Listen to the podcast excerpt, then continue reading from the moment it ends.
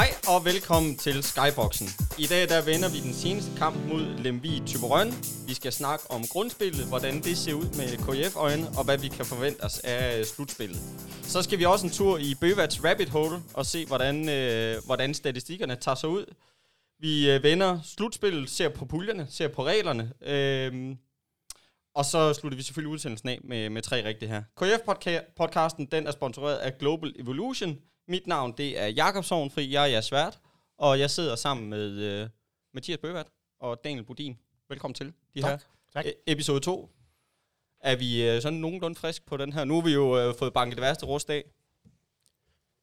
Ja, det tænker jeg. Sådan, ja, altså hvad- episode 1 er der i kassen, og, og vi, er, vi er klar her. Jeg tænker, øh, Lemvig-kampen, at vi, øh, at vi lægger ud med den, det bliver et kryds. Ja, det var ikke lige noget, vi har set komme herinde.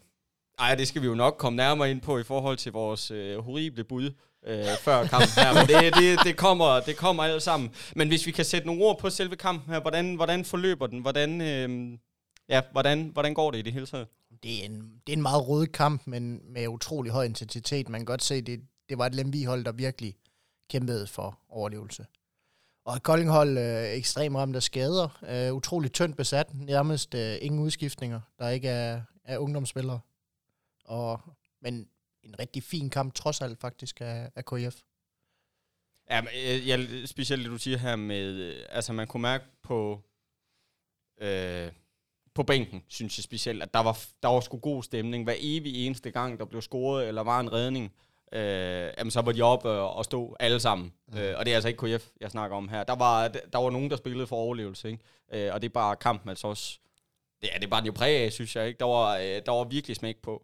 Jamen ekstremt. Der var, der var virkelig, virkelig tænding fra, fra start til slut. Og de kæmpede jo ekstremt for det. Det var helt vildt. Ja. Hvad tænker du, øh, Daniel? Jamen, jeg er meget enig. Øh, der var øh, stor kampgejst både på, på Lemmy og Koldingshold. Øh, jeg må sige sådan, at det er en kamp, der bølger. Først er Lemmy foran, så er Kolding foran, så er Lemmy foran, så er Kolding foran til sidst igen, og så er det nu gjort. Altså, Ja. det er jo en fed kamp at se, som, hvis der nu må have været tilskuer for dem. Ja. Altså, der er så mange ting hele tiden, og der er både gode redninger og øh, webafleveringer, og jamen, ja, der var det hele. Ja, men skal vi, skal vi lægge ud med, med første halvlejen her? Fordi det er egentlig rigtigt, som du siger, Daniel. Den bølger frem og tilbage, og det er lidt som om, der ikke rigtig er nogen, der får sådan ordentligt fat. Altså, og når der så endelig er nogen, der gør, så bliver der taget en timeout for at, at bryde rytmen lidt, eller for at ændre på... Jamen, altså man kan sige, at Lemvig, de kommer faktisk foran til at starte med, med et par stykker. Så kommer Kolding foran øh, med et par stykker også. Øh, og så tager Lemvig en timeout, som jeg husker det. Og så kommer Lemvig foran med to, og så tager Kolding en timeout, mm. og hjælper heller ikke. Og så tager de vel øh, en timeout mere øh, i første halvleg, så de har faktisk taget to timeouts inden for 25 minutter. Ja. Øhm, og så går de til pause med er bagud med, med en enkelt. Mm. Øhm, og så synger KF. Man, ja, KF gør. Ja.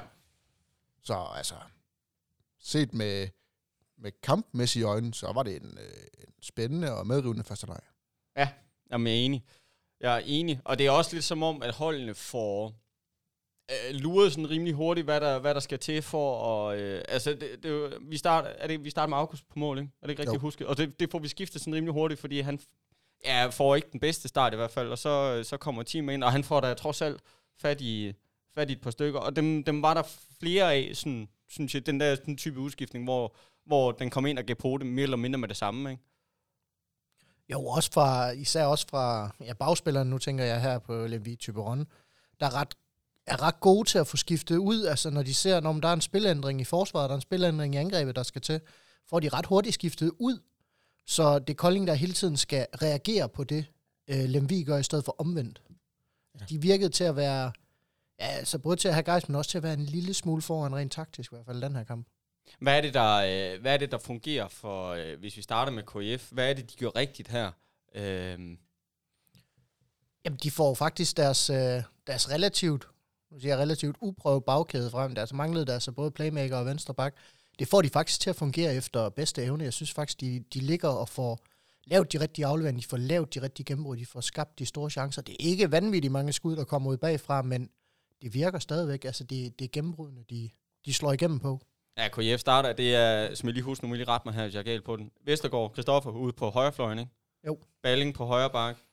Jens er Svane på Jens midten. Svane i midten? Ja, og så Nikolaj Jørgensen. på Nikolaj venstre. Jørgensen på venstre bakken. Ja. Ude på, øh, Og så Væver ude på ude på fløjen. venstrefløjen, Ja. og Benjamin på, på stregen, ikke? Yes. Jo. Altså, så det er jo ikke, det er jo ikke den øh, allerhårdest skydende bagkæde, vi... Og også en, en... Jamen, altså, det er jo nogle unge gutter, der render rundt derinde, ikke? Jo, bestemt. Jeg tror... Øh, jamen, er det Peter, der... Ja, Balling, der, øh, der, der, der trækker op. Øh, Helt ældste mand sine Ja, 30 år. jamen, jamen lige, lige præcis, ikke? Så altså, det er jo, øh, det er jo noget, en situation at blive sat i, fordi de er jo også godt klar over, at, at man kan jo heller ikke bare til, altså, man kan jo heller ikke tillade sig bare at smide den, kampen her. Det vil jo ikke være fair på sportsligt over for, øh, for, ja, for nogen som helst. Øh, Nej, det er bestemt ikke. Også for ja. deres egen selv, altså jamen, selvtilliden. præcis. Altså, nu går man ind i et, øh, i et slutspil her, og skulle gerne, øh, jamen, det er jo nu kamp, de skal vindes, ikke? Lige præcis. Så altså, at få, få, øh, få så mange folk med som muligt, få dem testet af, få prøvet nogle konstellationer af, det må vel være, øh, det må være fedt at have sådan en kamp et eller andet sted, hvor der er noget på spil, altså hvor man ikke bare kan, ja, kan, kan smide sig. Helt sikkert. Og der er mange, der kommer ind og beviser, synes jeg. Altså, Jens han starter godt nok med at brænde tre skud. Øh, ærgerligt. Men han går på, han prøver, og han bliver ved. Det havde Det er han, mega fedt at se. Altså, det havde han virkelig brug for. Ja, det havde han også lovet. Som Jo, vi jo, han havde, han havde jo lovet 10, men altså, han nu smækket de første tre ind, så har vi jo, så har vi jo nærmest sådan 6-7 stykker fra ham, og så har det jo set rigtig, rigtig godt ud. Ja, men det var inden for de første, Fem minutter. ja, at han har... Øh, Faktisk har talt de første tre angreb, at han, Præcis. han simpelthen kommer nærmest frit igennem. Altså, der er virkelig, virkelig fået, fået fart i hans fodskifte igen. Ja. Vi mangler stadig lidt skuddet, men, men hans benarbejde fejler absolut intet. Jo, selvfølgelig. Og så kommer Vestergaard ind og ligesom også viser, at han er en, en, en god højrefløj. Øh, ikke på niveau med Flodmand, men han er altså også højre bakke og playmaker mest. Jamen, det, og det er jo det, jeg godt kan lide ved ham, ikke? At han er sådan en, en alt mulig fyr. Ja, Altså sæt ham ind i, i højre side af, eller ja, fra midten og, og højre side over, ikke? Det er sgu ligegyldigt, om han spiller bakken, eller fløjen, eller midten, eller... Altså, Det er jo faktisk det samme, vi ser med Nikolaj Jørgensen, der også kan Ja. ja. Ja, faktisk spille fra midten af, så mod venstre. Vi Ja. har både set ham på bak og fløj, og i løbet af kampen også som playmaker. enig. Helt enig. Og det, sådan nogle spillere er jo guld værd på sådan et hold, ikke? Specielt nu, hvor KF er så... Ja, er så hårdt ramt, Ja. ja. øh, som de er, at, at vi simpelthen har spillere, der kan, der kan udfylde næsten alle pladser. Altså, det er jo kun, øh, det er jo kun stregspilleren, der nærmest er, er fast sat på, at det er den eneste plads, de spiller. Ja. Og så er det, kan man sige, det er en kamp, hvor Kolding kun får én udvisning. De får én udvisning i hele kampen. Det er til Vettle. Det er det eneste, der sker. Jo, så får de en advarsel efter to minutter til Morsten. Ellers er der ingenting. Nej, jeg, jeg så det heller ikke som en specielt hårdt spillet kamp Overhovedet ikke. overhovedet, men virkelig, virkelig præget af tekniske fejl for, for Ja, side, søren. synes jeg. Nej, der var mange misforståelser, men igen, uprøvet bagkæde, det skal give fejl. Og man kan også sige med, med de to minutters udvisninger, du kan sgu heller ikke tillade dig at få for mange af dem, når du i forvejen ikke er særlig mange. Og altså angrebsspillet, det er hvad det er. Det, det, det burde man nok kunne finde ud af. Men, men forsvarsspillet specielt, der er sgu nogle aftaler, der er man vant til at stå ved siden af, af en specifik person. Ikke? At skifter man ud der, og, og det er lige pludselig en helt ny person, man skal stå ved siden af, så, så bliver det... Altså er der hurtigt nogle aftaler, der bliver brudt, ikke? Jo, det er det. Det er jo det, er jo det sværeste sted. Det er jo der, hvor man allerhelst vil have sin marker stående ved siden af. Forsvarskæden er, er, er det sidste, man helst vil skifte på. Det er så ekstremt svært, fordi det har så meget med kommunikation og så meget med, hvor har jeg min medspiller, hvor har jeg min på begge sider, altså hvad kan jeg få, hvor lang er ham, hvad, hvor er han stærk henne, mm. hvor er jeg selv stærk henne. Ja. Og det er jo simpelthen det, der, der gør, at det er sådan ting, der bare skal spilles ind. Det kræver kampe og er der kampe. Og bliver du skiftet ud på de pladser der, så, så er det som regel rigtig svært, uanset hvor dygtig en forsvarsspiller du er. Helt sikkert. Skal vi lige kigge på øh, månedens Albi Fighter? God for, øh, for marts måned her. Jeg tror alle sammen, vi ved, øh, jeg ved, hvem der drejer sig om. Det er selvfølgelig Peter, Peter Belling, der, Ja. øh, der tager den med den største selvfølgelighed. Øh, Ja. Han har eddermame været god. Ja, det har han godt nok. Og Øh, specielt de sidste par kampe. ja. Ja, jamen det, altså, jeg skulle til at sige generelt hele året, ikke? Han har, øh, og det er jo det hele, det er jo, øh, jamen assistene, det er jo målene, det er jo øh, den måde, han binder spillet sammen på, ikke? Øh, det er altid godt tempo og fremragende skud. Det må af man en, sige. Af en mand, der jo altså ikke, jamen altså han er jo ikke to meter høj, vel? Så altså, det er jo, det er jo, jeg synes sgu et eller andet sted, det er ret sådan fascinerende at se, at han, at han alligevel formår at krølle med ind, fordi de sidder jo fuldstændig som de skal hver eneste gang, ikke? Det er simpelthen fascinerende. Ja, han får også lavet 10 i seneste kamp. Jamen, Jamen, 12 jamen- forsøg kun. Så, så en, en effektiv Peter Balling også har vi set de sidste stykke tid. Nå ja, så må man jo kun nøjes med 8 sidst, men øh, Og ja, når det ikke kan blive til mere. Lige præcis. Øh, og så blev han jo også øh, fortjent øh, rundens højre bak. Ja, altså med, fra alle. med på klubber. rundens hold her. Jamen, Ja, altså, det er jo fantastisk. Det er jo, jeg tror, det er femte gang, han er med på rundens hold. Øh, Korrekt. det er imponerende. jamen, det er virkelig imponerende, synes jeg. Altså, Han, han har været ligaens bedste højre bak, sådan set over sæsonen. 100 procent. Og nu, ja, tør man, altså, tør man stille spørgsmål her? Vi snakkede også lidt om det sidst, så vidt jeg lige husker. Hvor er vi henne i forhold til landshold og alt det her? Ja. Er, det, er det at presse den? Ja, det Jeg- tror jeg. Ja, jeg synes også, det er at presse den, fordi der er ingen tvivl om, at Peter Balling vil kunne gøre sig som anden valg på landsholdet efter Mathias Gissel. Det, det er jeg sikker på, at han vil have en rolle til. Men jeg tror ikke, det er hverken, hvad, hvad Balling selv ønsker, eller hvad vores landstræner ønsker. Jeg tror, han vil have en lidt anden type over på, på den plads i forhold til. Og så er vi jo ekstra glade for at spille med højre hænder derovre som reserver. Ja. Ja. Og så kan man også sige, at forsvarsspil har måske også lidt at sige, at ja, han er jo ikke, han er jo ikke en udpræget tovejsspiller. Altså, der, er- hans forsvar er ikke helt så godt, som, som nogle af de hvem, andre ligger. hvem, hvem vil du egentlig helst have i forsvaret? Gissel eller Balling? Balling. Endnu. Fordi vi så jo, altså, jeg ved godt, det ikke var meget, han fik lov at spille øh, Nej, jeg i vil forsvaret. Gissel. Jeg tror, jeg hellere vil være Gissel. Fordi Gissel, han har trods alt lidt hurtigere fødder. Og han, han tør lidt mere at gå op i banen, end, ja. end Balling gør. Balling, han er god på, på buen, men han, jeg synes, han mangler en lille smule i forhold til Gissel, når han går ud og presser. Jeg synes, Gissel mangler en lille smule erfaring på det punkt i forhold til Peter Balling. Peter Balling, han er, han er ret god til, selvom han ikke er en dygtig forspiller, at vide, hvor han skal stå. Vide, hvor modstanderen kommer hen. Der mangler Mathias Gissel stadigvæk lige en smule i hans spil i forhold til, at han har nogle rigtig dygtige forsvarsholdkammerater i GOG, der gør hans arbejde en lille smule nemmere, men stiller du ham op mod et lidt mere uprøvet forsvar, så tror jeg også, at han vil falde hurtigere igennem, end Peter Balling vil. Det var bare, jeg tænkte bare i forhold til øh, VM-slutrunden, vi lige har været, eller lige, vi har været igennem her i, øh, for et par måneder siden, der fik Gissel forholdsvis meget spilletid i forsvaret, synes jeg. Sådan taget betragtning af, at han er spritny mand, og, øh, og skal inkorporeres i hele det system der. Og jeg synes, han slap noget fra det, faktisk. Det gjorde han absolut. Øh, Øh, der altså- var, det, var- det, var slet ikke, øh, det var slet ikke der, der var noget galt. Altså, Nej. det, det var en øh, ordentlig flot øh, slutrunde, både forsvar og angreb fra ham. Det Ja, var ja. slet ikke det. Jeg vil stadigvæk bare tvivle, hvis du begynder at centrere dit angreb omkring ham. Hvis vi fx så i Lemvig-kampen, Mm. jamen størstedelen af deres afslutninger og deres indspil og deres udspil, de er centreret omkring den dårligste forsvarsspiller i fire blokken, og det er Peter Balling. Ja. Hvis du ser nogle hold, for eksempel spille mod GOG, der virkelig prøver at centrere det over ved ham, der, der er han altså lidt udstillet en gang imellem. Ja, GOG-snakken skal vi nok komme ind på her, øh, her senere. Jeg synes lige, vi skal vende øh, bedste KF-spiller. Team, øh, Team Winkler, ja. der Ja. kommer ind og, øh, og erstatter August, på, eller afløser August i, ja. Ja. i målet. Og gør det fremragende, synes jeg. Enig? Altså kommer ind og... Øh, det, var ikke, det var heller ikke mange redninger, August han havde til at starte med, så det var, altså, en udskiftning lå sådan rimelig naturligt for, synes jeg. Det kan I måske gøre mig klogere på med statistikkerne her. Ja, Jamen ja. han står med 44 procent, har 11 redninger. Øhm, jeg synes, han har de redninger, hvor han er, hvor man har brug for dem. Han, han er god til at komme ind der, hvor øh, nu skal han tage to bolde, og så tager han to bolde. Ja. Det, er- det er super godt. Og det er, det er kun nogen... De, de gode målmænd er god til det. Ja. Øh, og du skal have en vis rutine for at kan gøre det. Mm. Øh, men øh, altså, Tim han gør det rigtig fint, og August kommer faktisk ind til sidst på et straffekast, og napper straf- straffekastet fra. Stockholm. Så, så han skal have ros for det, men, men August manglede måske bare lige lidt i de første til 15 minutter.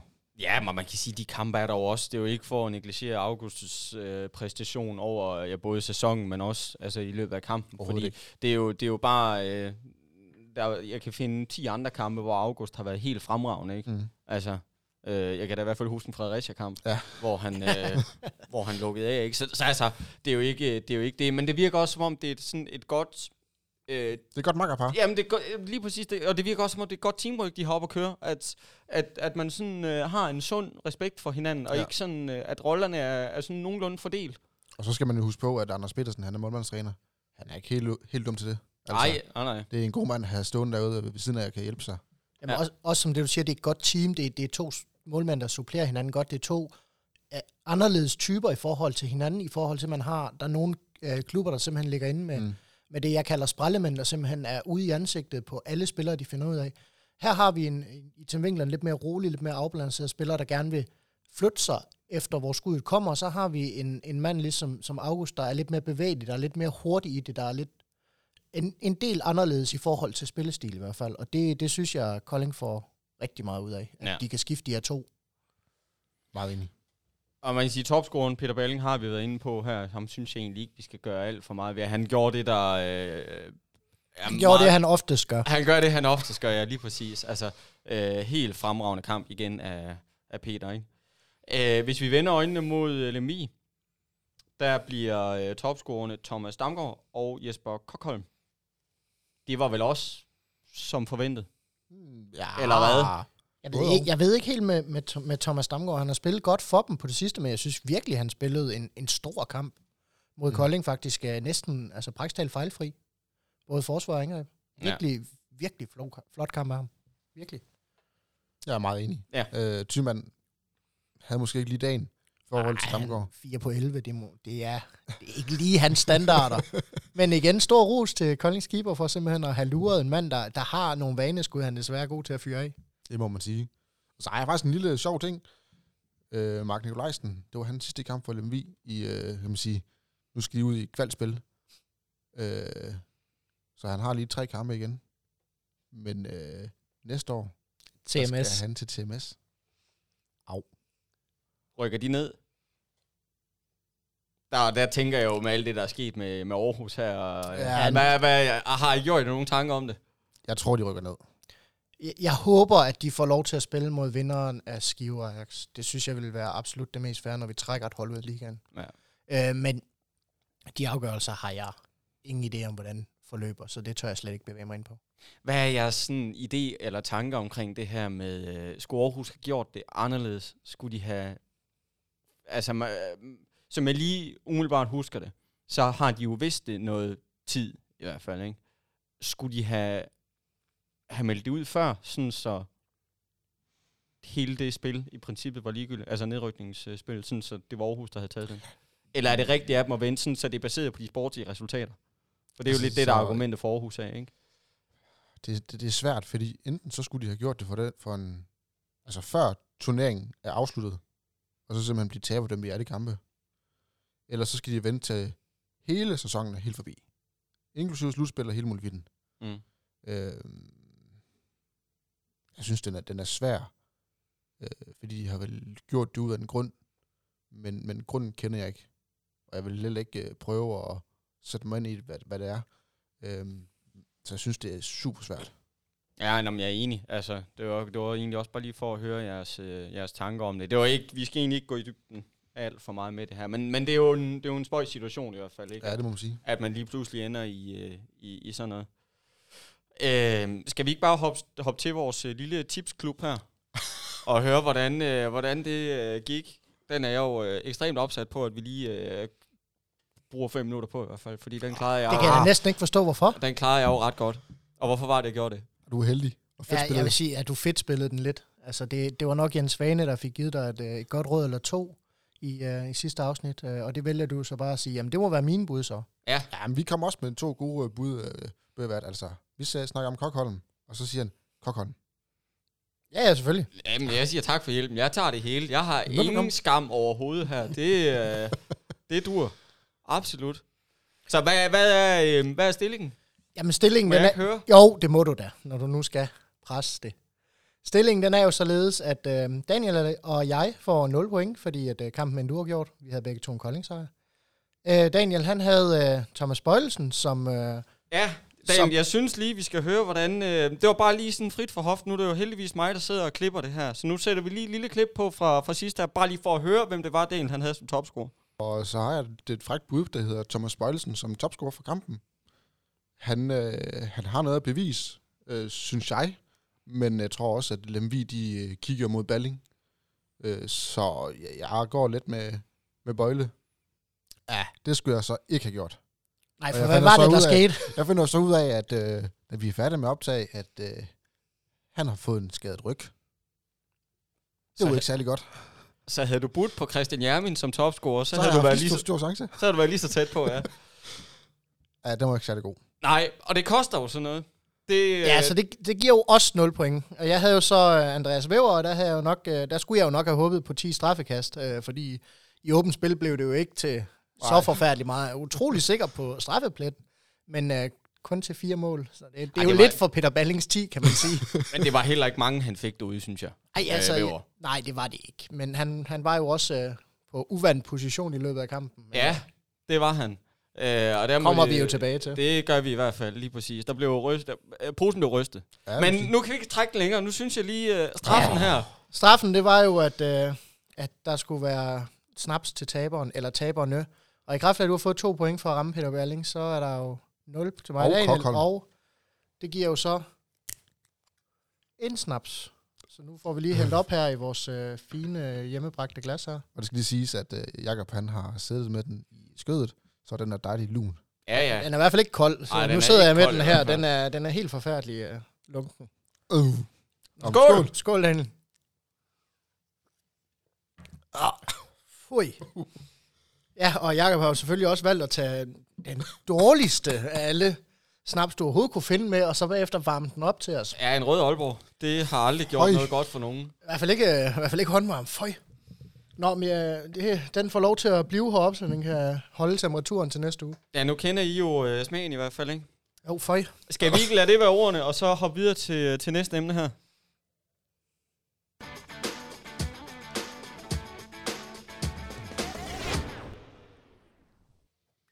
Næste emne her, det er selvfølgelig grundspillet, hvor vi lige kigger øh, tilbage på KF's grundspilssituation, hvordan det er forløbet, og hvordan det er gået. Er vi øh, præsteret over evne? Det tror jeg godt alle sammen, vi kan ikke på hovederne, Enig. eller ikke med hovederne og sige, ja, det har de. Men hvad er det, der har gjort, at, øh, at vi har præsteret, som vi har her, ikke? Og, og hvilke kampe har måske været skældsættende? Fordi jeg kan da huske en Christian Jermin i hvert fald, der var sådan ret sikker på, altså da de slår Fredericia, øh, både hjemme og ude, og forholdsvis komfortabel også, at der begynder der sådan lige pludselig at sætte nogle, nogle tanker i gang her, ikke? Men, men når I sådan tænker tilbage på, på KF's grundspil her, hvad tænker I så på? Øh, har I nogen sådan specielle tanker eller momenter, eller ja, spillere, udover Peter Balling selvfølgelig, der, øh, Der er mange momenter, synes jeg. Øh, man slår Sønderjyske stort i Kolding. Man slår Fredericia, både øh, her og der. Øh, man slår øh, Skanderborg. Øh, jeg kan huske, man, er, man spiller, spiller med uafgjort mod, øh, mod BSH. Øh, ah, den taber de vist nok. Spiller uafgjort mod øh, Holstebro. Vi spiller ud om Holstebro, det er sådan, der er, ja. Øhm, så ja, vi er okay på hjemmebane, synes jeg, vi er rigtig gode.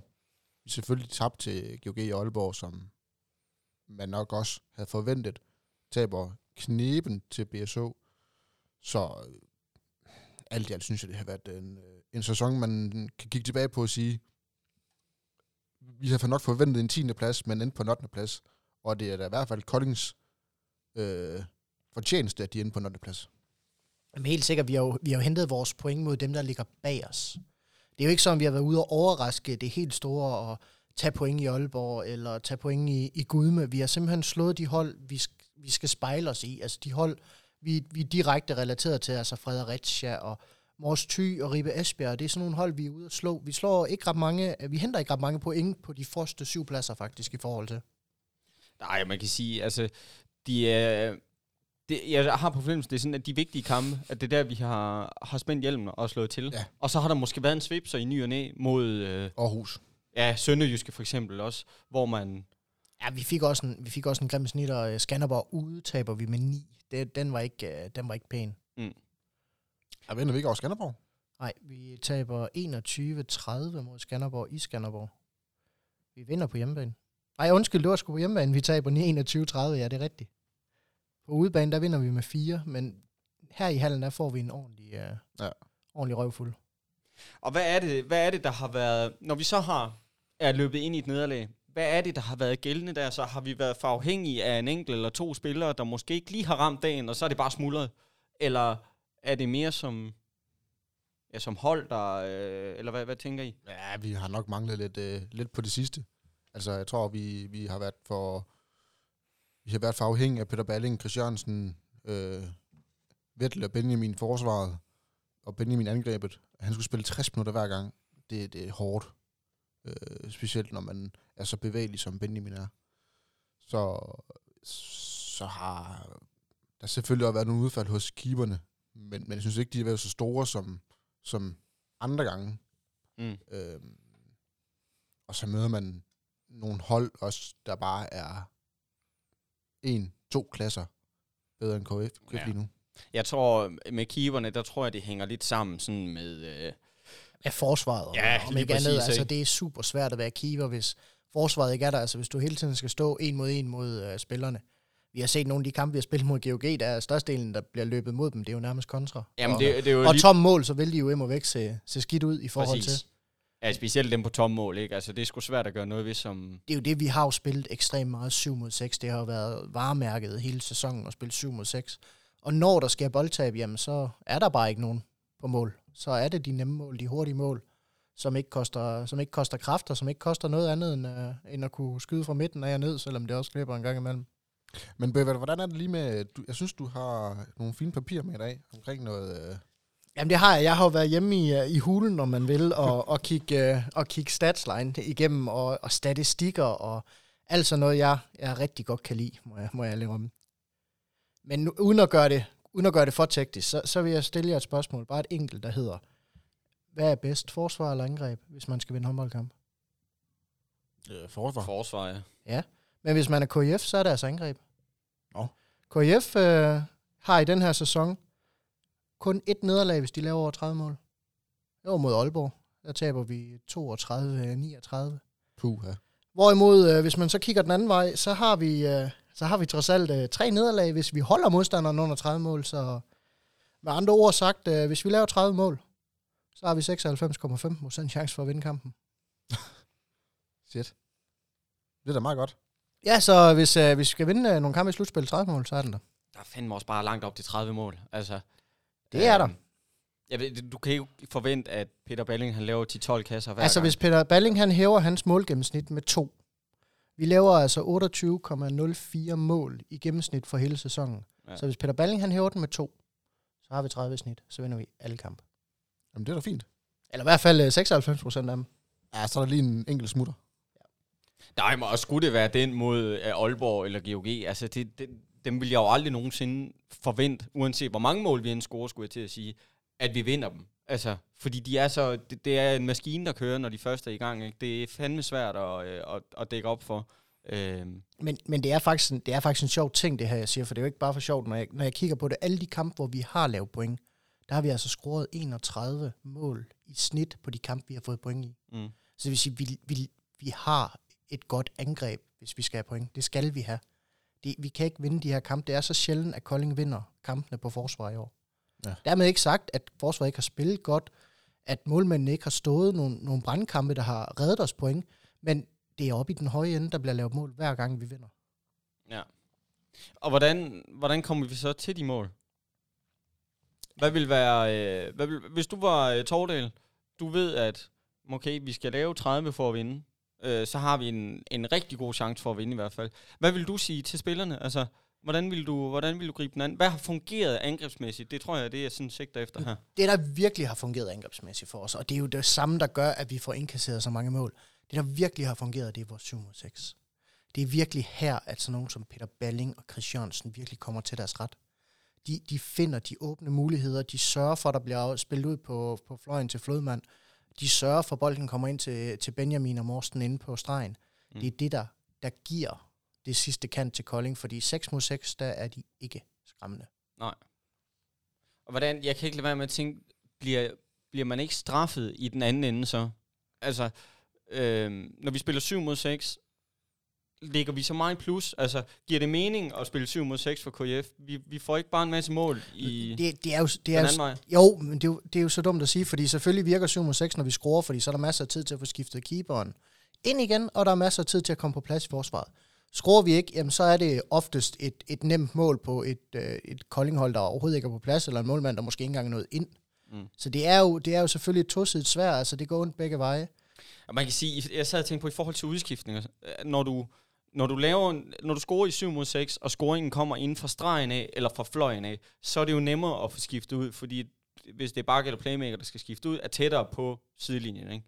Jo, det, er jo- Øhm. det er jo også som primært der, vi får afslutningerne fra, når det ikke lige er Peter Balling, der stiger op og, og hugger den af. Jamen, og det er jo netop det, fordi det kan godt være, at han gør det, øh, og han scorer, hvilket er fint, men som, hvis det er i hans side, der skal skiftes ud, for eksempel, så er det enten en fløjspiller, flodmand, der skal løbe ud og skifte med målmanden, eller øh, en, en playmaker, om det så er Jens Svane eller Vestergaard, eller hvem det er. Så det er bare et, et hurtigt, nemt mål at få imod sig selv, om man øh, laver scoringen, ikke? Jo, det er det, det er det bestemt, men man kan jo så også sige, at hvis vi ikke spiller det her 7 mod 6, så, har, så laver vi måske kun 4-25 mål per kamp. Ja. Og det vinder du ikke ret mange håndboldkampe. Ah, nej. Det sætter et umodeligt stort pres på, på vores keeper, hvis vi kun kan gå ind og lave 25 mål. Jeg tror, vi har nærmest ikke holdt nogen hold under det her Mm. antal i løbet af sæsonen. Så det, det er virkelig meget pres at lægge. Vi har behov for de her Ja. lidt, lidt hurtige, lidt nemme mål.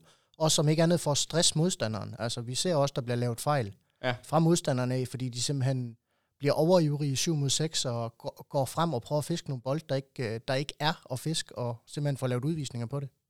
Det er meget spændende, den snak der, fordi så kan man jo sådan helt fine-tune det sige, vi vil gerne have afslutningerne inden fra stregen af, eller fra vores øh, venstrefløj af. Så virkelig sætte nogle, nogle systemer op, der gør det sådan helt Mm. super konkret for spillerne. Ikke? Sige, Det er lige præcis det her, vi sigter efter. Fordi så, så er vi sådan forholdsvis sikre på ikke at få, en, få et mål imod os øh, den anden vej. Meget enig. Helt sikkert. Har du andet på øh, papiret, dog? Det har jeg faktisk også, fordi det, det er næsten i relation til, hvad du siger, fordi det, nu er det, hvor vi gerne vil have afslutningerne henne. Det kan jeg så afsløre, at det får vi ikke ret tit. Jo, jo, vi får, vi får skam afslutninger ude fra Flodmand og alt det her. Men nu har jeg jo i, mit, uh, i min lille hule derhjemme siddet og regnet på det, det der bliver kaldt en, uh, en udnyttelsesprocent. Og det her, det er ikke forstået i, at hvor mange skud bliver til mål. Det kan, det kan de fleste stats uh, klare for os, og det står som regel også på skærmen i fjernsynet. Mm-hmm. Nej, det her det er simpelthen, hvem har den sidste hånd på bolden, inden den her bold enten går i mål, eller bliver tabt, eller bliver smidt ud over siden. Ja. Og i jamen, næsten 28 procent af tilfældene, der er det faktisk Peter Balling, der har sidste hånd på boldene i Kolding. Og det er både i skud, men det er også i fejlafleveringer og alt det her. Det vil sige, at vi centrerer ekstremt meget om Peter Balling Mm. helt ekstremt meget. Sammenligning, så, så sådan en som for eksempel Chris Jørgensen, han, han har afslutter vores angreb i 17 procent af tilfældene. Det vil sige, det er jo noget lavere i forhold til, at han også ligger og laver de her putbolde ind til, Mm. til stregen og ligger og Ja. fordeler spillet. Der, der er det virkelig. Det skal så siges her i, i de her, der er udregnet, det er ikke medregnet assist. Altså det er simpelthen, hvem der kaster bolden væk, om man vil, eller hvem der kaster bolden i mål. Okay. Så det vil sige, når, når for eksempel, hvis vi skal, hvis vi skal sidde og kigge på det med andre briller end Kolding, så vil man jo kunne sige, jamen hver fjerde angreb, der ligger bolden i hænderne på Peter Balling, når den bold den bliver sluppet fra Ja. ja. Kolding hånd til modstanderen. Så Eller hver, mål. ja, eller mål. Hver, hver fjerde gang, vi har angreb, der er det Peter Balling, der står for alt. Ikke den målgivende aflevering, men simpelthen står decideret for skuddet eller for fejlafleveringen. Hold op. Det er meget. Jamen, det er jo for meget. Altså, det er jo for meget. det er ekstremt meget at ligge på én spiller. Altså til sammenligning i, i andre klubber, der, der ligger det her tal her, jeg sad og regnede efter på nogle, øh, for eksempel sådan noget som GOG's uh, Mathias Gissel, som også ligger rigtig meget med bolden. Hans tal ligger langt fra de 20, altså fordelt på sæsonen. Han ligger, i, han ligger og råder de her 15-16 procent af tiden, at det er ham, der egentlig sørger for, at den her bold forsvinder Mm-hmm. eller går i mål. Hvordan, det må jo, træner, trænerne derude jo også kunne, øh, kunne se. Altså, jeg tænker modstandertrænerne her. Øh, Jo, jo, de ser modstanderholdene, de ser jo formentlig nøjagtigt det samme, som, som vi allerede vidste, fordi hvis vi tænker over det, så ja, så er Peter Balling fuldstændig essentiel for vores hold, og det er ham, der tit, og det har det været igennem hele sæsonen, skal tage beslutningen, der hedder, skal jeg skyde den, Ja. eller skal jeg ikke skyde den? Altså, det skal så siges til Peter Ballings forsvar, at øh, af alt den tid, han er på banen, og alt den tid, han har bolden, nu har jeg sagt, at nu er det ham, der står for det 27 procent, næsten 28 procent af tiden, at få den her bold enten i mål eller væk. Mm-hmm. Yderligere så står han jo så for 17 procent af den tid også. Der laver han den målgivende aflevering. Så hvis du begynder at lægge de to tal sammen, så er det altså Peter Balling, der står for omkring 35 procent af alt vores spil. Det er en tredjedel. Det er mere end en tredjedel. En tredjedel af alle angreb ender med, at Peter Balling tager en beslutning, der hedder en aflevering, eller en tabt bold, eller et mål. Holy shit. Ja, så har du ikke engang regnet det sidste med. Jo, det var det, jeg gjorde her til sidst. Nå, det var det. Okay. I 17 procent af tilfældene, der laver han den målgivende aflevering. Det skal jo så lægges oven i de 27 procent okay, af tiden. ja. Godt, så det vil sige, at vi, vi nærmer os et virkelig, virkelig højt Ja, tal, ja, ja, præcis. Peter Balling han tager her. Jamen, det kan jeg jo regne ud, at det er, jo, det er for meget at lægge på en mand. Øhm, Enig. hvis man er... Øh, ja, det er jo et holdspil. Altså, Øh, det er jo både for nemt at øh, ja, dække op overfor som modstander, men det er også for meget, synes jeg, at forlange af en mand. Fordi hvad fanden gør du så, hvis han bliver... Jamen, det her, bare, det er jo, bare, at han bare får to minutter? Jamen det her, det er jo Altså- så udelukkende udregnet på, hvad, hvornår han er på banen. Det er ikke regnet på en hel kamp, det er regnet på det antal minutter, Peter Balling han spiller i en kamp. Og Peter Balling med udvisninger og lidt pause, spiller han jo i rundt regnet omkring 50 minutter per kamp. Og Ja. det er jo det, der er taget udgangspunkt i her. Altså. Så det vil sige, at de her 10 minutter, han er på banen, de, de har ingen indflydelse på de her tal. Det her det er udelukkende tal, der er med Peter Balling på banen. Det er vildt. Men, men, men det, det giver jo også et billede af, at han har fandme at være god for Kolding. Ja, Helt ekstremt. Altså, det, det er en stor, stor tak til Peter Balling, at vi ligger, hvor vi ligger. Enig. Ingen tvivl. Og hans, øh, jamen, altså, hans øh, medspillere er også super gode til at få ham sat op, og de er super gode til at opfange hans spil, så det ser nemmere ud for ham. Men vi ligger meget i hænderne på Peter Balling. Og en eller anden gang, ikke, og hvis han ikke har en god kamp, så ser det skidt ud.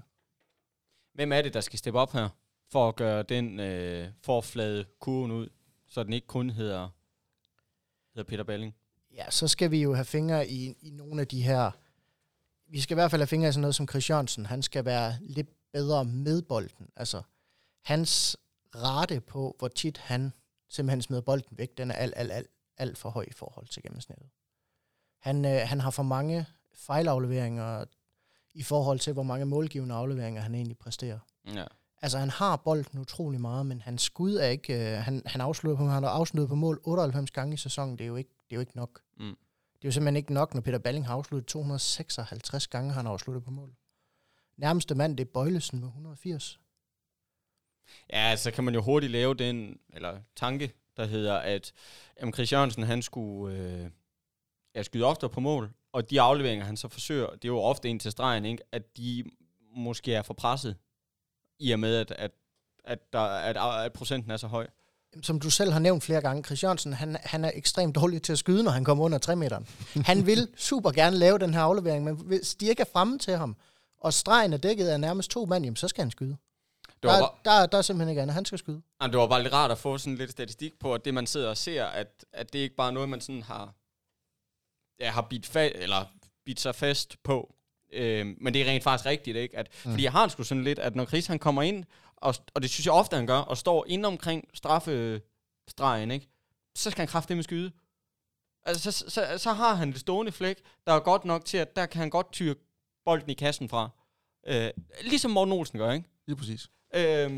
At det, det, jeg vil ikke have nogen problemer med, at han så øh, skød en 3-4 gange mere per kamp, og at han så ja, brændte dem alle sammen, skulle jeg til at sige. Fordi det vil bare give plads til hans indspil på, øh, til stregen. Det ville jo også give mere plads til en, en Thomas Bøjlesen. Altså, jeg kunne heller ikke forestille mig, han, han har heller ikke udnyttelsesprocenten så høj øh, igen, men det har også været meget fintespil. Altså, hvis Chris han kom ind og skød en gang imellem, eller lidt oftere, som du siger, Jacob, jamen så, så er der også mere plads til Thomas. Det vil jeg ved med, og jeg, jeg har- sådan har det også lidt med Bøjle, at han måtte også for min skyld også gerne tage, han har højden med sig endda, tage et skud på den øh, forkerte side af 3 meteren. Ja. En, to, tre gange. Jeg tror, jeg sagde det sidste podcast også. Øhm, altså, at han skød bare, jamen, to, tre, måske fire gange i løbet af en kamp, ude bagfra. Så er det, ej, det er jo ikke ligegyldigt, om han brænder dem. Det er jo ikke det, jeg vil frem til, fordi selvfølgelig ser vi helst, at han scorer, men jeg tror bare, det vil gøre det nemmere for ham, når han så vil ind og prøve at, at bryde igennem. Jeg tror, at, at har han først hakket de første to ind, så er man nødt til at respektere det som forsvarsspiller. Mm. Og så er det måske, man lige kommer to skridt for langt frem, og så er det altså, der bliver plads nede bagved, ikke? Øhm. Men det er jo fint nok at få sådan lidt, ja, lidt tal på det, at Jo, men også uden at, altså, uden at kæde vores lyttere alt, alt for meget med de tekniske detaljer, hvordan det her det er udregnet, så, så er det jo bare, det er jo tal taget ud fra, hvor mange gange der bliver afsluttet på mål, hvor mange gange de her bolde bliver smidt væk, hvor lang tid spillerne er på banen, og alt det her, det giver jo så den udregning, jeg har lavet på, hvor mange procent af tiden, at det er en enkelt spiller, der tager beslutningen om, hvad mm. Der skal ske. skal vi kigge lidt øh, karakter til spillerne? Det synes jeg, vi skal. Øhm, skal jeg tage den første og den bedste, der hedder Palle, Peter Balling. Han får bare en stor... Det er fra 1 til 10, skal jeg skynde mig at sige. 10, det er... Øh, Det er Peter Balling style. det er ja, 1 til Peter Balling, skal jeg til at sige. Ej, han, har været, han får en klar 10'er. Han, man har gjort, han har gjort, hedder det, meget mere, end man turde forvente af ham. Han har været ekstremt god hele tiden. Øh, næsten, næsten hver eneste kamp. Da han har haft en enkelt eller to udfald i løbet af sæsonen, og det er jo kun naturligt, at en spiller har det. Jamen, for jeg ligger i top 3 i assist, ligger i top 3 på, øh, på topscore-listen, ikke? Har, du, du kan ikke forvente mere, altså. Nej. Øhm, Nej, ja, absolut. Øh, den med højst karakter i det, der hedder mest effektiv spiller. Øh, statistikken, der er derinde. han har eddermame været god, ja. Det har han, Han i har hvert fald. virkelig været god. Hvem, øh, hvem kommer så derefter? Det gør Andreas Flødman. Det synes jeg. Han har spillet en rigtig, rigtig stor sæson også. Han har stået en lille smule skygget af, at hans bak har spillet så fremragende. Men han har været der, når vi har brug for det. Han har været hurtig på kontraspillene, han har været stabil i forsvaret, og han har scoret på størstedelen af de skud, han har fået. Ja, typer ind på straffe også. Er han den bedste højrefløj i ligaen? En af dem. Hvem har I mere i, i tankerne? Jeg har ikke andre. Jeg, jeg synes, Flodman er den bedste højrefløj, vi har i ligaen. Jeg synes, der er en, øh, en i skærnen, der, der også gør det godt. I, øh, i René Rasmussen. Han har også gjort det godt. Ja, ja, ja, men, ja, ja det, altså, Flodman, Flodman er også øh, for mig en, øh, en stor profil. Også i ligaen. mm. Og jeg synes, det er fantastisk, at han stadigvæk er i Kolding næste år. Ja da. Ja, jamen, absolut. Absolut. Det er en, en, ja, en fremragende spiller, vi har ude på, på Det er også en spiller, der trækker opmærksomhed ud omkring. Ja, det det, det, det er der ingen tvivl om. Jamen, det var det, jeg skulle til at frem til her, at, at øh, nu, nu nævner du, at man har ham i et par år her, men, men det er vel også en spiller, der, hvis han fortsætter det, han er gang i nu her, måske skal på noget andet. Ja, 22 land. Måske. Altså, Forhåbentlig. jamen, Der er i hvert fald mange midterklubber i Tyskland, der vil have rigtig stor glæde af en, en mand så hurtig og så træfsikker, som han er. Ja, men en højrefløj, altså, de hænger ikke på træerne, vel? Altså, det, Nej, det ser vi blandt andet i den danske liga. Vi er, vi er rimelig Mm. dårligt sat på højrefløj i ligaen. Altså, der findes jo stadigvæk en masse dygtige spillere, det er slet ikke det. Men vi har ikke, altså, vi har ikke verdensstjernerne, vi har ikke landsholdsspillerne på de højrefløje. Nej, overhovedet ikke. De, øh, de, de, De er hopper andre- jo de videre, er ikke? andre steder. Altså, de, de tager til Tyskland og finder dem, ikke? Og vi får jo en næste år i ligaen, en verdensklasse på fløjen. Op i Aalborg. Op ja. i. Aalborg, ja. Præcis. Hvad med... Øh, jamen, jeg ved ikke, hvor meget skal vi gå i... Øh, der er jo selvfølgelig med karaktererne her, hvor meget skal vi gå i øh, dybt med dem? Fordi der kommer jo en, en, en gruppe... øh, Altså, der er Hos Chris Jørgensen med, øh, der også kan score et... Øh, et, et nital, synes jeg. Altså, Chris har... Nu sad, vi, nu sad jeg godt og var lidt efter ham før, og sagde, at jeg synes, jeg synes simpelthen, han skal skyde noget mere på mål, ikke? Men jeg synes heller ikke, man skal underkende det. Øh, altså, han Nej, er nej, vi skal overhovedet ikke underkende hans arbejde og hans sæson. Han har haft en rigtig god sæson. Han har virkelig drevet det her Kolding-hold. Altså, han har virkelig sat stilen for angrebet på, mm. hvordan vi spiller og i hvilken fart vi spiller. Det er, det er virkelig en mand, der har fundet hans, øh, hans ledergen ind, og, og det her store potentiale, han, han engang blev udråbt til at have, for Ja. skader og, og uheld og så videre. Præcis. Ja. Præcis. Og så har jeg øh, Benjamin Pedersen, Vettle, Væver, Svane. Øh, sådan i den gruppe der, at, at det er... Et, dem har man ikke... Altså, de har ikke været helt, op, helt lige så op at ringe, som Peter Balling har. Det er de sgu de færreste i hele ligaen, der har det. Men de har spillet over evne, synes jeg, og spillet bedre, end man turde håbe på. Ja, enig. Altså, Øh, Vettle, Vettle kommer ind til sæsonen, og man tænker, hvem er han? Jeg skulle lige til at sige, at han fik godt nok meget øh, ja, vind i pressen over, at vi har hentet en spiller fra, fra anden øh, Bundesligaen af, der nærmest ingen spilletid fik dernede, og hvad Mm. skulle man med ham, og Ja. ja. herreste Gud, og han kan jo ingenting, og det er endnu en af de her falderede øh, handler, Kolding laver. Og så går han ind og er en bundsolid forsvarsspiller, og bare har gjort det så godt hele sæsonen. Jamen, han er bare en kæmpe jo. Altså en maskine i, i forsvaret. Og så er han simpelthen noget af det sødeste. Altså, han skal lære at bare gå ud og give ham en ordentlig nyrehug af en anden verden. Jeg gør ligesom Molefu, han gjorde en gang imellem. Lige gå ud og plante en, øh, en knytnæve i maven, og så, værsgo kammerat. Det gør han ikke. Altså nu ligger han jo trods alt øh, i toppen af udvisningslisten, så jeg ved ikke helt, altså hvor flink jeg vil sige, han er. Jeg synes, øh, jeg synes han tager rigeligt hårdt fat derinde. Øhm, og han har, han har et rigtig godt paradespil, øh, ja. Der har hjulpet øh, vores keeper rigtig meget den her sæson. Men det kommer måske også til at se voldsomt ud med ham, synes jeg, fordi han er, Han er stor og fysisk. han, han er stor fysisk, ja. Og, og så kan det godt være, at han, han måske trykker lidt til, men det ser bare endnu voldsommere ud, når det er... Men prøv at forestille jer til træningen, når Christoffer Vestergaard han ligger og Jamen, Jamen, styrer playmakerpladsen der, og det er Vettle, der kommer ud. Altså, det er, det er en stor mand. Det er en meget stor mand. Mm. Ja. Jamen, enig. Enig. Skal vi, øh, skal vi snakke øh, forventningen inden sæsonen her, og de, de tanker, der har gjort sig omkring det, og, Ja. og så hvordan sæsonen som sådan er forløbet? Øh, Jamen lad os da gøre det. Altså, øh, man kan sige, inden sæsonen, der var, der var nok nogen, der tænkte, ah, Kolding, der er problemer uden for banen, der mangler øh, likviditet, der mangler dit og dat.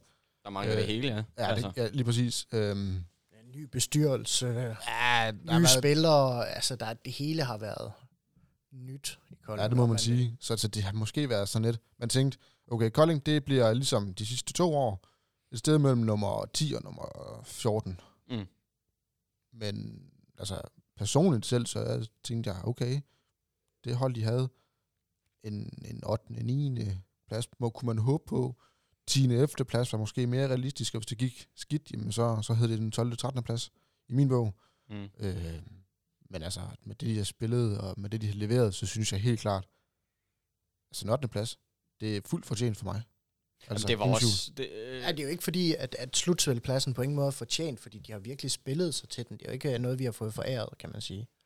Men jeg vil sige, inden sæsonen, hvis du havde, hvis du havde spurgt mig der, så har jeg sagt, jamen, et tredje sidst. Foran Lemvi og foran TMS på fordelt på en sæson, og så havde jeg faktisk ikke forventet mig mere. nej, Jeg havde regnet med, at vi skulle, vi skulle i det her nedrykningsspil, og i sidste ende, øh, ja, ville klare os fri derfra. Var det ikke også det, Jamin han snakkede lidt om med hensyn til, han var over at se en af trænerne derovre i, øh, i den anden halv hårde, hvor han, øh, jamen, han var lige tiltrådt som, som direktør, ikke? Og, øh, og nævnte det her med, at okay, hvis det er, er det, hvis er de spillere, vi har, så, så, så bliver det der omkring, vi, vi ligger, at, at de så har, totalt har, har modbevist alt, øh, og virkelig, øh, jamen, jeg har spillet fremragende jo. Det må altså, man sige. Øh, at det, det er jo fuldt ud berettiget, det her. Ikke? det. der er jo ikke noget, det er rigtigt, som du siger, Mathias, der er jo fandme ikke noget, der er blevet foræret, eller noget, der er øh, givet til os overhovedet. Det, de er, øh, har været underdogs, ja, øh, men, men de har taget deres, de har taget det. Øh, Helt sikkert. De har, de har været gode. Altså, de har spillet, spillet flot håndbold også. Der har været øh, udfald, selvfølgelig er der det, men øh, der kommer altså også nogle nye spillere ind. Ej, jeg vil sige, jeg, jeg, jeg var meget... Jeg var ikke fortrøstningsfuld, da sæsonen gik i gang, at vi starter med at tabe vores pokalkamp til GOG med 13, og bagefter øh, ja, tabe på udebane øh, med, igen med 13 til Aalborg. Det var, det var en hård start på, på sæsonen, synes jeg, hvor jeg tænkte, også fordi spillet hang ikke sammen, der var Mm. ikke noget, der virkede. Der var jeg virkelig, øh, nå, jamen, det bliver jo nok nede i den lave ende. Men det er vel også noget af det arbejde, han har for sig. Øh, Tordal, træner, ikke? Der, øh, jamen, hvad, hvad fanden siger man til sådan et... Altså, man, jeg er fint med på, at man bliver ved med at indgyde noget, noget motivation og gejst, og ikke lade sig slå ud af, at, at, at man måske godt kan få en snitter en gang imellem, ikke? Øh, men også været helt ærlig omkring, at jamen, vi, vi spiller, som vi gør lige nu, og vi ligger, hvor vi er lige nu, og så har taget det sådan jamen, stille og roligt hen ad vejen og bygget mm. på. Virker det som om, ikke? Mhm. Fordi det er jo lige pludselig som om, der er et eller andet, der har, har klikket. Øh, også når man tager alle skaderne i betragtning og sådan noget, ikke?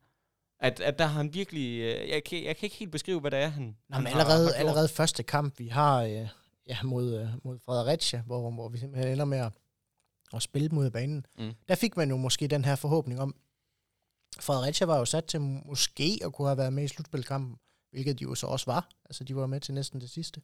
Yes. Der fik man jo virkelig det her billede af, der hed, jamen hvis det er et hold, der skal ligge mellem en 8. og en 10. plads, så kan vi i hvert fald være med. Enig. Jo, men at man har også øh, den, den der kliché med, at man tager en kamp ad gangen. Jamen, det er jo det, Kolding har gjort. Jamen, altså, det, det tror jeg det er rigtigt, ja. fuldstændig den eneste rigtige måde at gøre det på. Ja. Tag hvad der, okay, det var godt i den forrige kamp, det var ikke knap så godt, det skal vi arbejde på. Vi skal mm. også arbejde på det gode, så vi bliver endnu bedre. Altså den der mentalitet med, at, at vi skal blive bedre til træning, den tror jeg har, har vundet indblik. Jeg tror Jamen, virkelig, det er godt. Lige præcis, det var også det, Jermin han sagde, at det er jo træningsmiljøet, der afgør, hvor, øh, hvor, hvor gode vi bliver. Altså, at man giver den fuld smadret til træning, og at man udnytter hver evig eneste gang, man tropper op i hallen her, og skal træne, ikke? At, at kvaliteten deraf, den er i orden. Det tror jeg også, de, øh, de har haft nogle, nogle lange, Mhm. gode snakker omkring, hvordan man ja, får sådan en træning bedst op at stå, ikke? Sådan, så det er netop ikke er en jamen, alle er respekt for en U17-spiller, man, man skal stå over for ikke til, til træning, men sådan, så det er, er kvalitet, man møder hver evig eneste gang, man, man træder ind i hallen. Ikke? Også at det er kvalitet, man går ind og vil yde. Altså, at det simpelthen er... At det simpelthen, at du ved, at man vil gå ind og, og give sit bedste. Man vil gå ind og være toneangivende alene til træning. Man vil gå ind og sige, jamen prøv at høre, det her, det skal vi... øh, Det, vi bliver nødt til at mærke, hvor ondt det gør til kampe. Det bliver vi nødt til at mærke i træningen også. Jamen skal vi ikke bare hoppe videre til den bedste kamp, vi har haft i sæsonen her? Øh, jeg, har, jeg har et hold, vi har klaret os vanvittigt godt imod, både hjemme og udebane. Jeg ved ikke, om vi... Det skulle vel aldrig være selv samme hold, som uh, Andreas Tordal, han uh, nævnte her i sidste interview, han gav til uh, Facebook uh, KF. Det, det er et godt bud. Jeg tænker Fredericia. Jeg tænker lokalrival, ja, lige præcis. Jeg, tænker Jamen, jeg er også, helt øh, enig, helt enig. Og så er det sådan set ligegyldigt, om det er hjemme eller ude. Fordi Ja. det var... Øh, ja, det har, været, uh, det har været to rigtig gode kampe. Ja, må man sige. jamen, det har, og det har det hele klikket jo. Altså, øh, Ja, vi laver 38 mål i, i den ene kamp, altså det er jo helt vanvittigt. Og nu kan jeg ikke huske, hvad August han ender med i redningsprocent, men det, jeg mener, det er plus 40 Ja, det mener også, det i, er. i Fredericia. Det, er det, hold kæft, hvor var han god, mand. Og hold kæft, der er mange gode redninger. Ja, det var helt vildt. Altså virkelig nok hans uh, absolut bedste kamp i år. Ja, og det, er det ikke den kamp, uh, Vettel han går ud med en skade efter 10 minutter, hvor man tænker, åh, oh, oh. Ja, nu kan det godt gå galt, det her. Ja. Men det, så er det som om, der skete et eller andet, så... Øh, Ja, så tog han fra derinde i hvert fald. Ja. Ja, og Benjamin han skød vist også en 8-9 mål, tror jeg. jeg tror, han gik øh, 9 på 9, som Ja, jeg lige husker. Jeg mener ikke, Jeg mener også, han var nogen på, jeg mener, han var på rundens hold i, ja. Ja. efter den kamp der med 9 på 9, ja. kamp. Men altså, er vi ikke enige om, det må være... Øh, Ja, det er en skam, det ikke er dem, vi skal møde i slutspil. Ja, præcis. Det må være årets kamp her, og med øh, kampe. Og med, øh, med de ord skal vi så ikke bare hoppe videre i teksten her.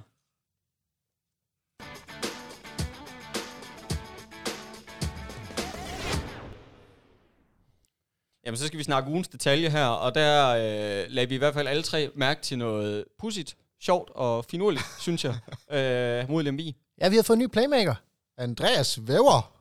der lige var ude bagved og, øh, og vise tordenarmen. Ja, det var der ikke så meget af, men, Nej, men han var lige ude og, og vikariere lidt derude, da, da der var pause til, uh, til bagspillerne. Det må man sige. Og det slap han vel sådan noget fra, synes jeg faktisk. Det var fint nok. Det var et par minutter eller tre, og så... Ja, det var vel bare lige for at aflæse, ikke? Jo. Jo, jo, det var bare, der var, der var et enkelt fint indspil, der, der gav mål, Ja. og, så jeg synes uh, absolut hederligt. Men det siger sgu da også alt om Koldings situation sådan lige nu her, at man er nødt til at tage sin ja, venstre fløj og, øh, og smide ud. Ik- ikke at det, altså selvfølgelig ikke, at det ikke kan lade sig gøre, men, men det er sgu da lidt... Det er lidt atypisk. Ja, jeg må også lidt skræmmende, synes jeg, at man er så langt ude et eller andet sted, at, at Ja, der, Øh, ikke, at man er at så der ikke presset, er flere friske ikke? playmaker Ja. i, i, i klubben. lige præcis. Så altså ugens detalje, Andreas Væver som playmaker, det, øh, det lagde jeg mærke til, og jeg ved ikke med jer, men jeg tror ikke, vi skal forvente at se det i slutspil. Så øh, Nej. Så skal Den- det i hvert fald gå meget galt. vi hopper videre.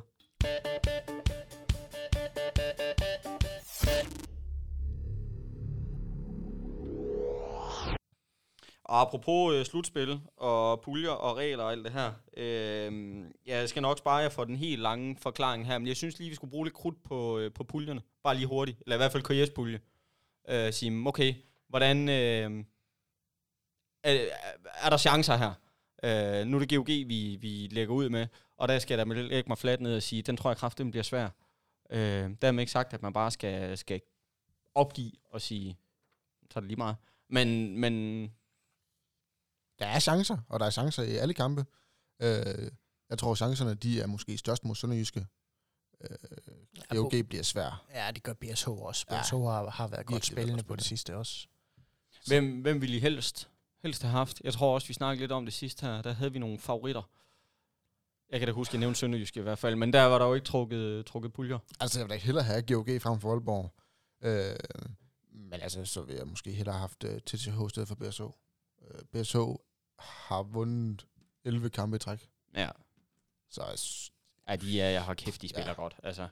Men man kan sige, du skal jo slå dem alle sammen, før eller siden. Ja, ja. Øh, så om du tager dem til at starte med, eller om du ja, slutter af med dem, det, det kan jo øh, ja, på et eller andet sted være fløjtende ligegyldigt. Eller hvad?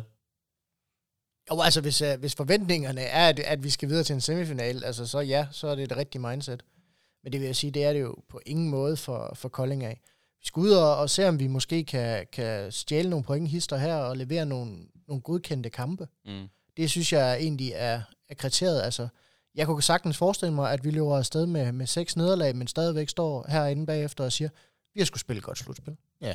Ja. Altså, jeg vil bare gerne undgå de her, at vi taber med 15, vi taber med 10, vi taber med 12. Ja. Vi bliver spillet ud af banen. Det er, det, eneste, det er egentlig min forventning. Hvis vi kan undgå det, hvis vi kan presse dem lidt, og så... Ja, og ellers bare, du ved, være tilfreds med vores eget spil. Det, Mm. det tror jeg må være succeskriteriet i den her pulje her. Præcis. Skal vi ikke bruge lidt krudt på øh, GOG-kampen her? Den Jo. bliver øh, spillet den 10. klokken 6, og den bliver sendt på TV2 Sport til dem, der er interesseret i sådan noget. Øhm, KF GOG er jo altid en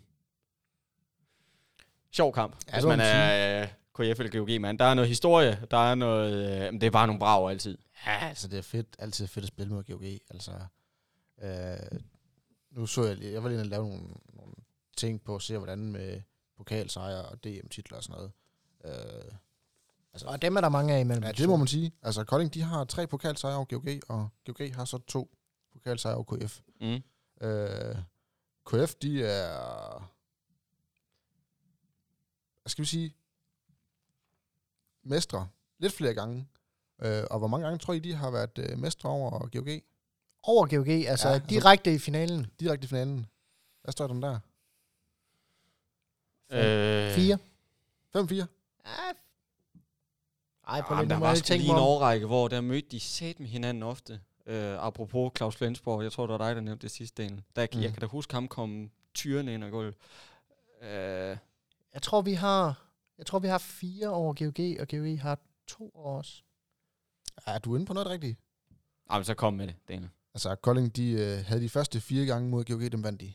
Så skiftede de lidt igen. Så Kolding, de har seks sejre i DM-finalen over GOG, og GOG har to sejre over KF i finalen. Hold da kæft. Ja, det er jo, det er jo to kæmpe hold i, i historien i dansk håndbold. Altså, GOG har syv mesterskaber. Kolding har 14 mesterskaber. Og det her, det er altså siden... Det er sgu det er jo lidt... midt i 80'erne. Ja, altså. ja. Det er jo, det er jo, det er jo en kort periode forholdsvis. Ja, eddermame også haft nogle, nogle gode kampe mod dem, historisk set. Også haft nogle uh, knap så gode kampe mod dem, historisk set, især i nyere tid, desværre. Ja, ja og, den, og den eneste statistik, jeg tænker, nå, det er, at uh, GOG, de har altså en pokaltitel mere end Kolding. Og Kolding har otte. Så kan man selv regne ud, hvad GOG har. Det, det vidste jeg ikke. Nej, der havde jeg også... Det ved jeg ikke lige, bildt mig selv ind, at KF ville have et par stykker mere. Ja, det vil jeg faktisk der, også. Der havde undervurderet GOG. Enig. Øhm, sådan lige frit fra hoften her. Hvornår bliver, hvornår bliver der ændret på det, tror du? Hvad er fremtidsudsigterne? Ja, jeg tror Sådan- desværre, jeg tror GOG når at få en pokal til, før vi gør i hvert fald. Jamen, så, jamen, så det vi kommer det, nok til at være mere bagefter end bare en enkelt. Ja, Det var det, jeg fiskede lidt efter. Altså, hvad skal der, hvad skal der ske for, at vi, vi får udlignet det? Ja vi skal da i hvert fald have nogle, øh, nogle flere strenge at spille på. Øh, som om sige, GOG har bare gjort det super godt de sidste 3-4 år. Vi skal jo igennem samme proces, som, som GOG har været igennem Mm. mm. her de sidste 5-6 år. Altså, vi skal løbende have fundet unge spillere, der kan gå ind og erstatte de lidt mere etablerede spillere, som højst sandsynligt ikke kommer til at være i klubben øh, ret længe på grund af gode præstationer. Ja. Så man hele tiden har et stabilt, flydende spil. Øh, noget, jeg altid har været imponeret over GOG, det er, at uanset, jamen nærmest uanset hvem de satte ind, uanset på hvilken plads, faldt de perfekt ind i spillestilen med nøjagtig samme stil, for GOG har altid haft det her med 9 med, der hedder, sådan som ligahold spiller, som spiller U18, U16, U14, U12. Mm. Og så Mm. passer det nemlig, fordi så har du hele talentovergangen, den er bare banet hele vejen op. Jamen, det er det, der er så vildt med GOG, ikke? At, at de har bare de næste 17 mand på, på lager, skulle jeg til at sige, til at træde direkte ind. Du kan prøve at se, hvor villige de er til at afgive, for eksempel sådan en som, som Peter Torbegaard til os, som jo Mm. egentlig også er ungdomslandsholdsspiller og, og et stort talent ude på den her højrefløj. Der er GOG simpelthen så godt besat, at de vælger at sige, at vi har en ungdomslandsholdsspiller, som vi gerne vil afgive til en direkte konkurrent i ligaen. Jamen, Ja. ja. ja. Jamen, og det er jo... Jeg sad og tænkte på, det, må, det er jo hele sådan... Det er jo alt det uden for klubben, der er et resultat af det. Altså, det er jo hele det arbejde, der er lavet uden for... Øh, ja, eller uden, ikke uden for klubben, men uden for banen i hvert fald, ikke? Øh, der tænker jeg jo på samarbejde med, med Roar, ikke? At hele den relation, de har der med at hive... Jamen, det er jo, de, det er jo creme la creme i, Ja, i, i. Danmark, der, der ender der, ikke? Det er jo alle unge håndboldspillere vil jo gerne på et eller andet tidspunkt være en del af det her talentarbejde, der foregår derovre. Mm. Der er meget langt ned til nummer to i det her talentarbejde. Der findes rigtig mange klubber, der er gode til at udvikle deres talenter, men der findes ingen, der har den her volumen, som Aura og GOG har derovre. Det er helt ekstremt. Jeg er meget enig. Øh, det er vildt, det de har gang i dag. Hvad i forhold til selve kampen her? GOG Kolding, hvad bliver, hvad bliver interessant her? Det interessante, det, det bliver vel, øh, om man for, for, for KF's side får styr på Morten Olsen. Øh, han skal i hvert fald ikke have lige så frit spil, som han havde sidste gang. Nej, han gjorde ondt sidst. Ja, det han gjorde han gjorde virkelig ondt sidst, ja. Øh, så skal man måske... 10 øh, kasser. sørge for, at øh, Gissel han stadigvæk ikke får lov til at, at bryde igennem, som, som han har for vane til at gøre. Altså, Mm. øh, spillede faktisk ikke nogen god kamp, han havde sidste gang. Nej. Men, men stadigvæk en, en Og der virker han sådan profil. lidt, han virker lidt, øh, han virker træt. Ja, han virkede Forståeligt. mentalt træt. Kom direkte fra VM, ikke? Jo. Øh, men virkelig lidt, lidt, lidt ramt. Øh, ja, så styr på Morten Olsen, at han ikke splitter, splitter det hele ad. Øh, hvordan i forhold til skadesituationen med GOG er, øh, jeg går ud fra, øh, Pytlik er vel stadigvæk skadet, brækkede han Ja. ikke noget, et eller andet, Og Zachariasen er også eller sådan ude. Hvem sagde du, undskyld? Zachariasen er også Ja. ude. Lige præcis. Hvilket jo øh, jamen, gør det nemmere, må man gå ud fra. Ja, Jamen et eller andet sted, så er det jo det, her, vi snakker om før. For GOG er det bare næste mand op. Altså, de mm. har så dygtige spillere øh, i reserve, at, at selvfølgelig vil det kunne mærkes, men jeg tror stadigvæk, at vi får vores sag for ekstremt. Ja, og hvis vi så kigger KF-skader, altså jeg må gå ud fra, at Chris Jørgensen stadigvæk er, øh, er, er skadet, ikke? Og det samme med, med Flodemand, der heller ikke var med her mod Lemvi. mm. Øhm, Ja, så ved vi jo ikke med, med Thomas Bøjlesen endnu. Det er jo op til, jamen det er jo til kampstart nærmest, Ja, om han bliver ja. klar. ja, det må gå jeg kunne forestille mig, at han trak i tøjet og varmede op, og så tog de en beslutning efter opvarmningen. Ja, så må vi se, om øh, Chris han er nået at blive klar efter hans øh, operation. Ja. Øhm, Jeg tror ikke, vi skal forvente det, men vi håber da. ja, men altså... Nu må vi se, hvad der sker. Så er det øh, blevet tips-klub-tid. Hvordan har I det med det? Kan I smage øh, snapsen endnu? Ja, Føj. Jamen, vil I have lov at... Det vel det, skal jeg lægge ud? ja det synes jeg. Eller hvad? Jeg synes, fedtspilleren skal ligge ud. Okay. Nå, jamen, jamen fair nok. Jeg, øh, jeg tror, jeg tror, det bliver en GOG-sejr. Ja. Og jeg tror, øh, GOG slår KF 31 25. Jeg tror, øh, jeg, jeg tror lige den her kamp mod GOG, der tror jeg satme, at vi får det svært.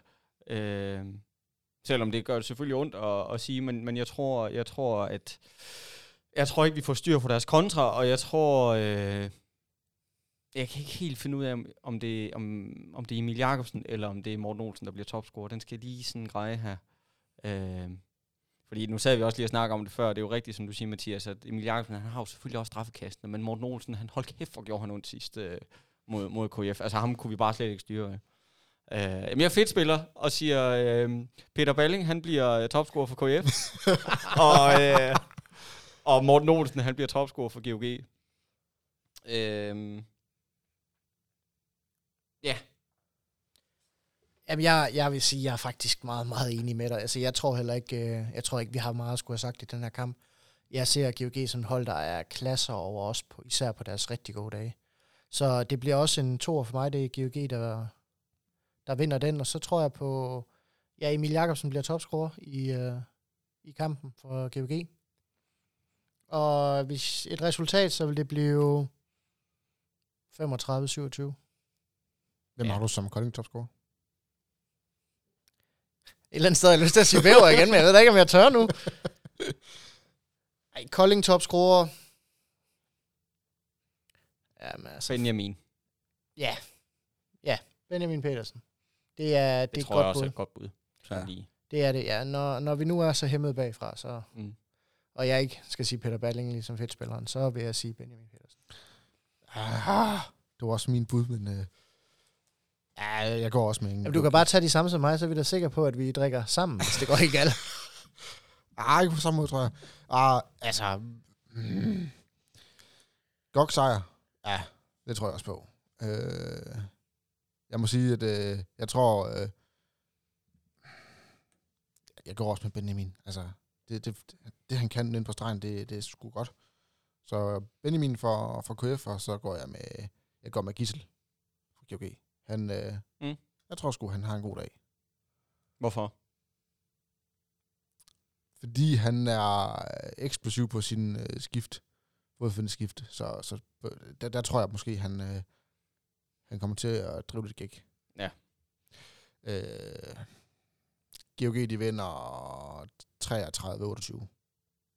Okay, så GOG sejr kan vi da, kan vi da blive enige om, trods alt. Øhm, Og med vores statistik, så betyder det jo uafgjort eller Kolding sejr. Præcis. Ja, ja, ja, jamen, lige præcis. Altså, det bliver jo sådan noget med, at KF, de vinder øh, 45-12, eller sådan noget i den du ikke? Og, øh, og fuldstændig, jamen, det er jo håbløst. Tim Winkler bliver topscorer. Ja, fuldstændig. Så det, øh, det skal man jo slet ikke, øh, det skal man slet ikke høre på, hvad vi siger i hvert fald. Skal vi ikke lade det være ordene? Og øh, jeg ved ikke, har I nogen ting sådan lige på falderæbet her? Nej. Der bliver rystet på hovedet her. Jamen, tusind tak, Daniel og Mathias, fordi I vil være med igen her. Og ikke mindst tak til jer, der har lyttet med derude. Næste kamp, det er som sagt mod GOG på lørdag kl. 6, og kampen vises på TV2 Sport. Husk, at I kan følge KF på de sociale medier, Facebook og Instagram. Download KF-appen, så kan du være med til at kåre kampens KF-spillere næste gang, de spiller på hjemmebane. Dagens podcast den er sponsoreret af Global Evolution. Det er vi rigtig glade for at kunne lave til jer KF-fans. Tusind tak for i dag. Vi lyttes ved.